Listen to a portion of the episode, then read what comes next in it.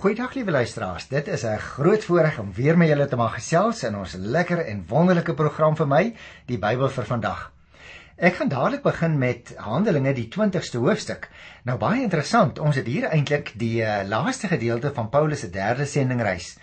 En dit begin hier in die gemeente waar hy nou vir 'n uh, lang tyd gewerk het en uiteindelik gaan dit uitloop op 'n lang en baie belangrike toespraak wat hy vir die ouderlinge gelewer het in Efese. Kom ek begin dadelik by die eerste verse. Nadat die oproer bedaar het, het Paulus die gelowiges bymekaar geroep en hulle moed ingepraat. Daarna het hy hulle gegroet en Macedonië toe vertrek. Op sy reis deur daardie gebiede het hy die gelowiges telkens met sy prediking bemoedig. Hy kom toe in Griekeland aan waar hy 3 maande gebly het. Toe hy op vertrek gestaan het Sirië toe, het hy van 'n Joodse komplot teen hom te hore gekom en besluit om deur Macedonië terug te gaan. Nou baie interessant, jy moet nou oplet, Paulus neem hier afskeid van sy gemeente waar hy vir 3 jaar lank gewerk het. En nou vertrek hy na Macedonië toe van waar hy moontlik die gebiede weswaarts aan die Asiatiese uh, see besoek het en selfs in Irakirum die evangelie verkondig het. Ons lees daarvan in Romeine 15 en daarna gaan hy nou vertrek na Griekeland waarmee hy eintlik Korinte bedoel. Nou van hier af het hy natuurlik sy brief aan Rome geskrywe om hulle voor te berei vir sy koms waarna hy in Handelinge 19 vers 21 verwys. Alhoewel Paulus dit moet ons nou gedagte hou nog nooit self persoonlik in Rome was nie, is daar 'n gemeente wat daar ontstaan het wat Paulus baie graag van nader wil leer ken en waaraan hy nou 'n brief skrywe. Die brief aan die Romeine, liewe luisteraars, handel oor die betekenis van die verlossende geloof. Dit verduidelik ook wat die verhouding tussen die Jood en die nie-Jood in Christus is en bevat 'n aantal praktiese riglyne vir die kerk. Maar daarbey gaan ons kom. Nou, as ons nou by vers 4 tot 6 lees, Pyrrhus se seun Sopater van Berea het saam met Paulus gereis en ook Aristarchus en sy kinders, al word so 'n hele paar name genoem. En dan staan daar in die 5de vers, hulle het vooruit gegaan en in Troas vir hom gewag. Na die fees van die ongesuurde brood het ons van Filippi af met 'n skip vertrek en 5 dae later by hulle in Troas aangekom. Daar het ons 7 dae gebly. Nou dis baie interessante gegevens wat ons hier kry in die 4de vers. Want jy sien liewe luisteraar, Paulus se reisgenote was verteenwoordigers van die gemeentes wat hy in Macedonië en Galasië en Asië tot stand gebring het. Elkeen van hulle het waarskynlik 'n geskenk van sy gemeente tuis aan die gelowiges in Jerusalem met hom saamgeneem. Ek dink ons moet raak sien die feit dat Paulus elkeen toegelaat het om sy eie gemeente se geskenk te gaan oorhandig. Het nie net tot die eenheid onder die gelowiges gelei nie, maar dit het ook veroorsaak dat daar meer persoonlike betrokkenheid onder hulle onder hulle was. En dit moet jy en ek ook onthou in ons tyd. Dit gaan, liewe luisteraar, oor persoonlike betrokkenheid. Dit help nie net ek gee 'n geskenk of 'n dankoffer nie. Maar daardie punt waar dit uiteindelik in die koninkryk van die Here uh gaan diens lewer waar die geld gaan beland. Dis baie belangrik dat jy en ek ook van tyd tot tyd daar persoonlike kontak sal maak. As mens nou na Paulus kyk, dan sou ek sê daardeur kon hy natuurlik ook vir die kerk leer hoe belangrik dit is om te gee. Want hulle sou al meer aan die gemeentes waar hulle verslag moet doen en waar hulle gewerk het, oor en weer vir mekaar moet vertel wat daar gebeur in daardie spesifieke gemeentes. En daarom op die terugreis word hy nou vergesel van hierdie klomp mense. Die volgende perikopie handel nou oor Paulus in Troas. Ek wil dit graag lees hier van vers 7 af. Ons het Sondag bymekaar gekom vir die gemeenskaplike maaltyd. Paulus het die gelowiges toegespreek en aangesien hy die volgende dag sou vertrek, het hy tot middernag aangehou. Daar was heelwat lampe in die bovertrek waar ons bymekaar was. 'n Jong man met die naam Etigus het op die vensterbank gesit. Hoe langer Paulus gepraat het, hoe vaker het Etigus geword. Hy het nader aan vas in die slaap geraak en uit die derde verdieping tot op die grond geval. Toe hulle hom optel, was hy dood. Nou dit is eintlik 'n baie hartseer verhaal, maar nou ja, ek dink jy dink ook 'n bietjie aan Dominus wat nou 'n bietjie lank preek en hier kry mense die indruk ou Paulus was een van daai ouens wat regtig bietjie 'n lang asem gehad het. Maar interessant, hier vind ons een van die weinige aanduidings in die Nuwe Testament van 'n gemeentelike byeenkoms op Sondag. Dit is dus vir ons van groot belangrik, né? Die gemeente is so honger vir die woord van God dat hulle bereid is om dwars deur die nag te luister na wat Paulus te sê het. Bedags het die mense natuurlik gaan werk en daarom was hulle diens op Sondag aand. Daar was soveel mense dat Etigus in die vensterbank moes sit. Die rook van die lampe en die groot getal mense het die vertrek later heel waarskynlik baie bedompig laat word sodat hy ingesluimer het en as hy dood geval het. Nou luister na vers 10. Paulus het ondertoe gegaan hom oor Etiges uitgestrek en hom teen hom vasgedruk en gesê: "Moet julle nie ontstel nie. Hy lewe." Nou gaan jy sien, liewe luisteraar, hoe die Here vir Paulus hier gebruik om hierdie Etiges uit die dood op te wek. Vers 11 en 12. Paulus het weer boontoe gegaan, brood gebreek en geëet. Hy het nog lank met hulle gepraat tot dagbreek en daarna vertrek. Die mense het toe die seun lewend weggebring huis toe. Hulle was buitengewoon bemoedig deur dit alles. Jy sien, Paulus gaan weer boontoe na die boonste vertrek om die gemeenskaplike maaltyd saam met die gemeente te geniet. Eers aan die einde van die verhaaltjie word dan berig dat Etiges natuurlik lewend geword het.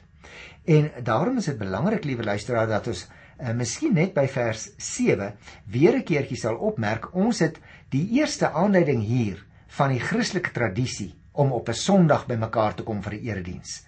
Die gemeenskaplike maaltyd, dit wil sê die breek van die brood soos dit hier genoem word, waaraan almal deel gehad het, was deel van 'n ete waar tydens die nagmaal gewoonlik ook gevier is. Gaan kyk maar weer in Handelinge 2 by vers 42. Hulle ontmoet dus teen die aand omdat die mense gedurende die dag moes werk en in die dag was hulle dus nie vry nie. En nou kry ons die interessante verhaal van die reis van Troas na Milete. Ons het vooruit per skip na Assos toe vertrek waar ons vir Paulus aan boord sou neem. Dit was sy opdrag omdat hy self oor land daarheen wou gaan. Toe hy ons in Assos kry, het ons hom aan boord geneem en na Mitilene toe gevaar. Daarvandaan het ons die volgende dag verder gevaar en tot reg oor Chios gekom. Die dag daarna en so vertel hy nou uh, Lukas wat hierdie boek skryf, so vertel hy nou presies hoe hulle van plekkie tot plekkie gereis het en hoe hulle langs die pad dan by die uh, hawe Assus vir Paulus opgelaai het. Nou ons vind ons hier, liewe luisteraar, 'n interessante gegevens wat ons hier kry, want Paulus se reisgenote het reeds gedurende die nag vertrek om betyds te wees vir hulle skip wat in die nag sou seil. Nadat hy nou die hele nag gewerk het, lê Paulus dan die volgende dag ongeveer 30 km na Assos toe af om die skip daar in te haal. Dit sou te voet gewees het. Die meeste van sy reise het hy immers so afgelê. Lukas het blykbaar 'n reisdagboek gehou en by die skrywe van Handelinge gebruik hy dit nou. Want hy kan natuurlik heel akkuraat vertel waar hulle telkens oornag het omdat hy die dagboek wat ons vermoed hy gehou het kon raadpleeg. Ons lees Paulus was haastig en daarom het hy 'n skip gekies wat nie in die Efesiese golf ingegaan het na Efese toe nie, maar reguit verbygevaar het. Interessant dat die 16de vers vir ons sê dat Paulus besluit het om by Efese verby te vaar. Want jy sien hy wou graag betyds wees vir die Pinkster in Jerusalem. Hy het vir die gelowiges in Jerusalem bydraes van die gemeentes in Klein-Asië en Griekeland saamgeneem. Dit weet ons nou al. Dit het maar swaar gegaan lyk like dit vir my met die gelowiges in Jerusalem. En dit sou vir hulle baie beteken as hulle hierdie bydraes juis op die Pinksterdag in ontvangs kon neem, aangesien Pinkster 'n dankseggingsfees was waar tydens die gelowiges die Here vir sy voorsiening gedank het. Nou, liewe luisteraar, voordat ek nou by die volgende paar verse kom, hier van vers 17 af, wil ek net 'n paar opmerkingies maak, want jy sien die opskrif daarvan in die Afrikaanse teks is Paulus spreek die ouderlinge van Efese toe. Ek dink ons moet in gedagte hou om vir mekaar duidelik te sê Lukas bied ons hier 'n baie besonder aangrypende toneel en ook die enigste voorbeeld van 'n toespraak wat Paulus tot gelowiges gerig het wat vir ons aangeteken is. Die rede kan miskien in die volgende 4 punte verdeel word, die rede wat hy gehou het. Nommer Paulus lê rekenskap af van sy eie gedrag en dan gaan jy sien nou van vers 22 af waar hy oor sy persoonlike toekoms 'n bietjie gesels. Die derde gedeelte van vers 25 af sê Paulus hoe hy die verantwoordelikheid dra vir die gemeente. En hy dra dit nou oor sê hy aan die ouderlinge. En dan vers 33 tot 35 sê so ietsie oor die finansies. Kom ons begin dadelik by die 17de vers. Van Milete af het Paulus 'n boodskap na Efese toe gestuur om die ouderlinge van die gemeente te laat roep. Jy sien, liewe luisteraar, het jy opgemerk Paulus se skip meer vas by 'n uh, uh, hawe met die naam van Milete. Nou dit is ongeveer so 60 km suid van Efese. En nou word daar gestuur om die ouderlinge van Efese soontoe te laat kom. Die reis na Efese sou te voet 2 dae geneem het. Die skip moet dus ten minste 4 dae hier by Melete uh, gelê het. Nou kry ons die verhaal uh, weer opgetel vers 18 tot 21. Toe hulle by hom kom, sê Paulus vir hulle: "Julle weet hoe ek die hele tyd van die eerste dag af dat dat ek in die provinsie Asië gekom het onder julle geleef het. Hoe ek die Here in alle nederigheid gedien het, te midde van die droefheid weens die vervolginge wat ek deur die komplotte van die Jode moes verduur. Julle weet ook dat ek niks teruggehou het van wat vir julle voordelig kon wees nie. Toe ek by julle in openbaar gepreek en julle in julle huise oornag het. Ek het sowel die Jode as die Grieke ernstig vermaan om hulle tot God te bekeer en in ons Here Jesus Christus te glo. Wanneer Paulus hier in vers 18 verwys na Asië, dan moet ons se gedagte hou met Asië word natuurlik in die eerste plek bedoel sy hoofstad Efese. Paulus sê een van die eerste kenmerke van sy bediening was nederigheid. Sy bediening was werklik diens aan die mense, as ek vers 20 reg verstaan. Hy sê dat daar in Efese ook maar komplotte van die Jode teen hom was, hoewel die boek Handelinge interessant genoeg vir ons niks daarvan vertel nie.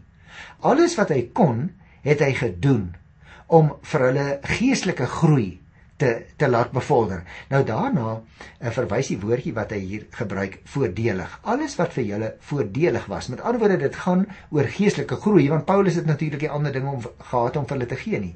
Deur die woord te verkondig naamlik in die openbaar en in die huisgemeentes waar hy gepraat het. Verder het hy ook volhard met die arbeid aan die ongelowiges, so sê hy. Nou natuurlik, liewe luisteraar, dit sal nie altyd maklik gaan met 'n gelowige nie. En 'n mens se probleme verdwyn nie eens eensklaps as jy 'n Christen word nie. Paulus het die Here met nederigheid gedien en hy het nooit tou opgegooi nie. Hy het nooit opgehou om vir die Here te werk nie. Die verlossingsboodskap was vir hom so belangrik dat hy geen geleentheid laat verbygaan het om vir ander daarvan te vertel nie. Nou natuurlik, daar sal klippe op 'n Christen se pad wees en hy sal ook maar trane hê baie kere, maar natuurlik sal 'n Christen wat so volledig tot die Here se diens toegewy is, sal hy ook vreugde ken. Jy en ek moet ook altyd bereid wees om vir ander te vertel van al die goeie dinge wat die Here vir vir ons doen elke dag. Jy sien liewe luisteraar, die Here se seën is soveel groter as jou en my probleme. En ons kyk so maklik teen ons probleme vas, dan vergeet ons om mense te vertel van die seën wat die Here vir ons gee. Nou kom ek hier by die tweede gedeelte van 'n uh, Handelinge hier by die 20ste hoofstuk waar Paulus nou iets oor sy persoonlike toekoms vir hulle vertel en dit met hulle deel. Dit is hier vers 22 tot by vers 24. En nou gaan ek Jerusalem toe sê hy. Daartoe gedring deur die Gees. Wat daar met my sal gebeur, weet ek nie. Ek weet dat die Heilige Gees my in die stad verseker dat gevangenskap en vervolging op my wag. Maar al is my lewe vir my kosbaar, reken ek dit van geen belang nie as ek maar net my lewensdae kan voltooi in die dienswerk wat ek van die Here Jesus gekry het kan klaarmaak. Dit is om die evangelie van God se genade te verkondig. Kan jy jou 'n meer wonderlike droom voorstel as dit? Hy praat met hulle oor 'n lewe, oor sy eie lewe volkome toegewy aan die Here se diens. Hy sê dan ook vir hulle hier in vers 22 tot 24 het jy opgelet. Ek gaan groot gevare tegemoet, maar gedring deur die Gees letterlik staan daar in die Griekse taal gebind deur die Gees. Nou liewe luisteraar, so lyk Paulus se lewe en in besonder die reis na Jerusalem. Hy's 'n gevangene van die Gees, as ek dit so mag uitdruk.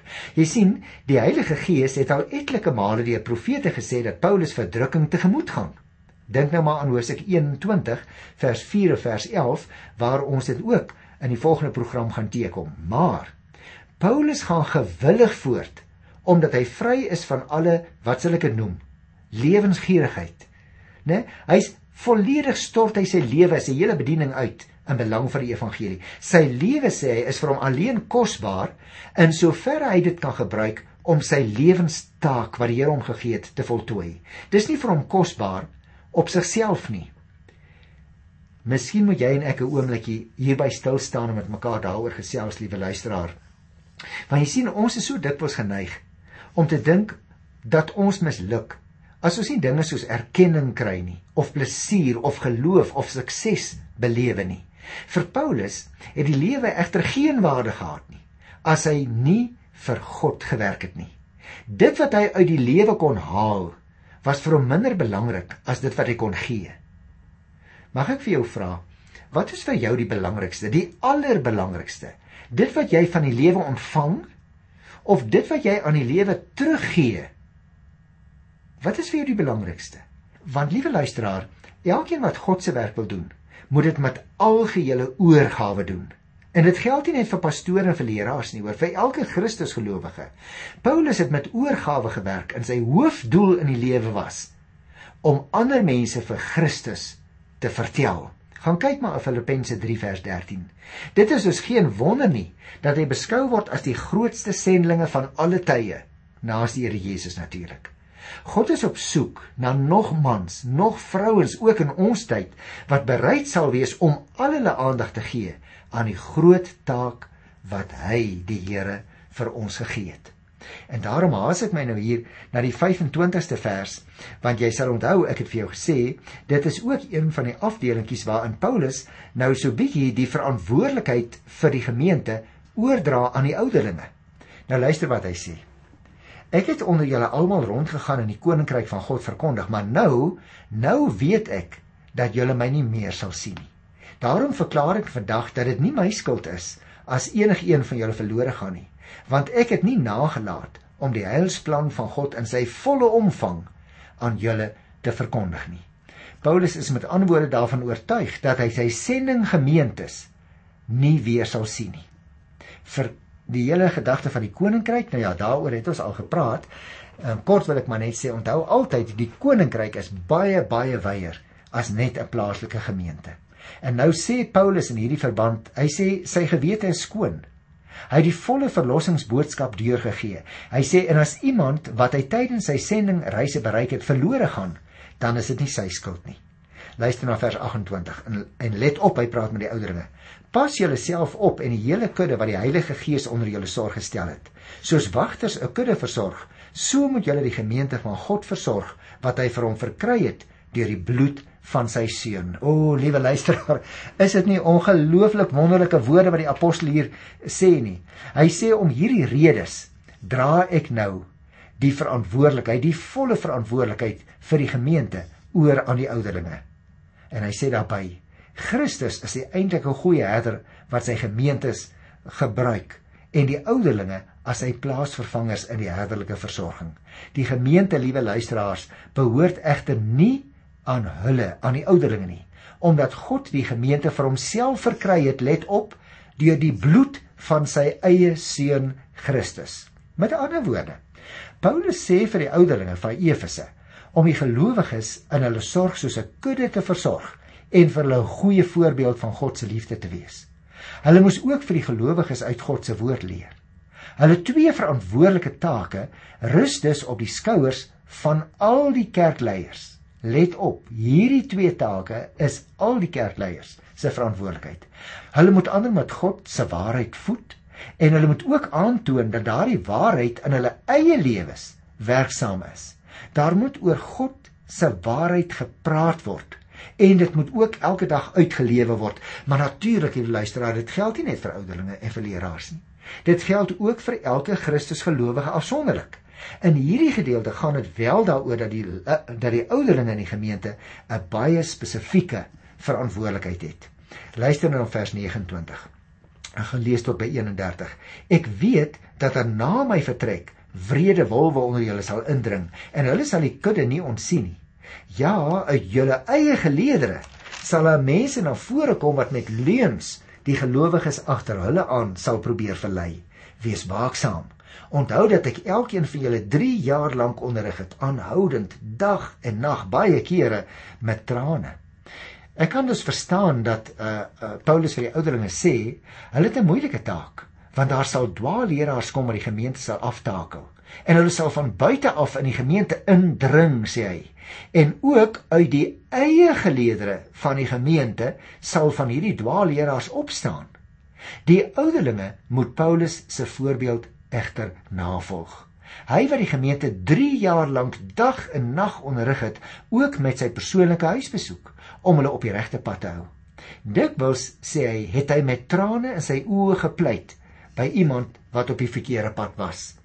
Hoe ek wens die kerk kan weer in ons tyd ook met soveel toewyding regtig daardie persoonlike kontak met mense opsoek en die evangelie onder trane as dit nodig sou wees met mense deel.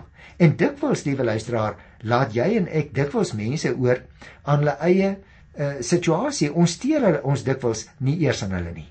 En nou kom die apostel uh hier van vers 33 tot 35 en dit is maar 'n klein gedeeltjie waar hy hom dan uh wy aan die finansies om ook daaroor te gesels. En ek wil dit onderstreep liewe luisteraars van baie kere kom ek agter as leraars oor die finansies van die gemeente en van die koninkryk praat dat baie lidmate sommer kwaad word. Hulle wil nie eers luister nie.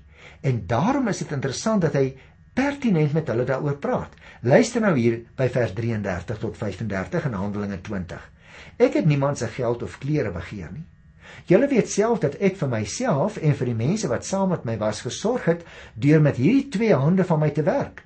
Deur my voorbeeld het ek in elke opsig vir julle gewys dat ons hard moet werk sodat ons die armes kan help. Onthou die woorde van die Here Jesus. Hy het self gesê om te gee maak 'n mens gelukkiger as om te ontvang. Nou wonderlike woorde wat die apostel hier praat as hy uh, oor finansies praat.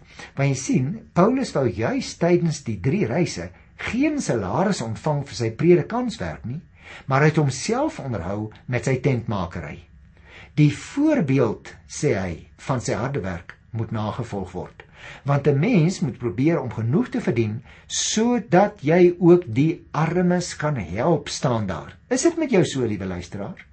Wil jy verdien sodat jy beter diensbaar kan wees of wil jy verdien sodat jy 'n groter bankrekening kan hê sodat jy die kinders meer kan laat erf? Hoe hierdie man sê ek het verdien sodat ek die armes kon help sodat ek die koninkryk kon baat met dit wat ek deur die Here se genade kon verdien. Paulus se laaste woord aan sy gemeente is dan ook 'n aanhaling van 'n uitspraak van die Here Jesus wat nie in die evangelies opgeteken is nie. Geluk lê in gee. Ek wonder of jy dit al ooit opgemerk het, liewe luisteraar. Hierdie is 'n baie belangrike en 'n interessante opmerking van die apostel. Want hy sê Jesus het self gesê en dit is aan die sinnetjie wat nie vir ons opgeteken is in die evangelies nie. Om te gee maak 'n mens gelukkiger as om te ontvang. En dit is dikwels met jou en met my so anders. Maar ek haas my om net hierdie laaste opmerkingie te maak want ek dink is belangrik uh, liewe luisteraar ons lees nêrens in die evangelies hierdie woorde van die Here Jesus nie. Ons aanvaar natuurlik dat nie alles wat Jesus gesê het in die evangelies opgeteken is nie. Gaan kyk maar in Johannes 21 by vers 25 maar nou is dit vir my aangrypend dat Paulus se afskeidswoorde aan hierdie gemeente uh, van gelowiges dit is geluk lê in gee.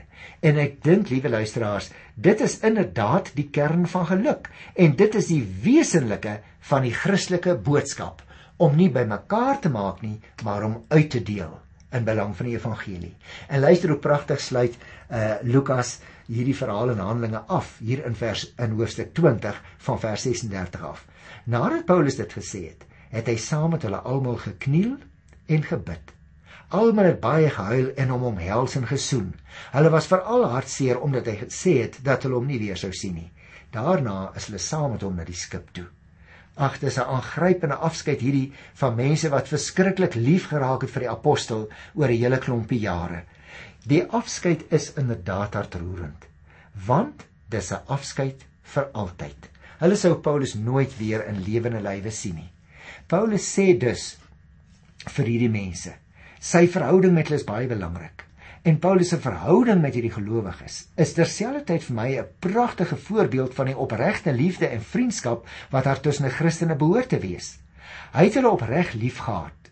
Hy was diep geraak deur hulle behoeftes in hulle lewens, so diep geraak dat hy daaroor gehuil het. Hulle het ook duidelik aangetoon dat hulle opreg lief was vir hierdie man van God wat onder hulle gewerk het, dat hulle hartseer was omdat hy nou van 'n afskeidneme moet vertrek. Hulle het saam gebid. Hulle het mekaar getroos. Ag, liewe luisteraar, en daarmee wil ek afsluit. Jy en ek moet ook net soos Paulus diep en opregte verhoudinge met ander Christene hê. Ons moet vir mekaar omgee. Ons moet ervarings en gevoelens met mekaar deel, saam met mekaar bly wees en saam met mekaar huil en saam met mekaar bid. Daar's maar net een manier waarop jy mense na jou toe kan aantrek. En dit is deur vrylik jouself aan hulle te gee. Mag ek vra? Hoe staan dit met jou? Tot volgende keer. Groet ek jou in die naam van die Here. Tot dan. Totsiens.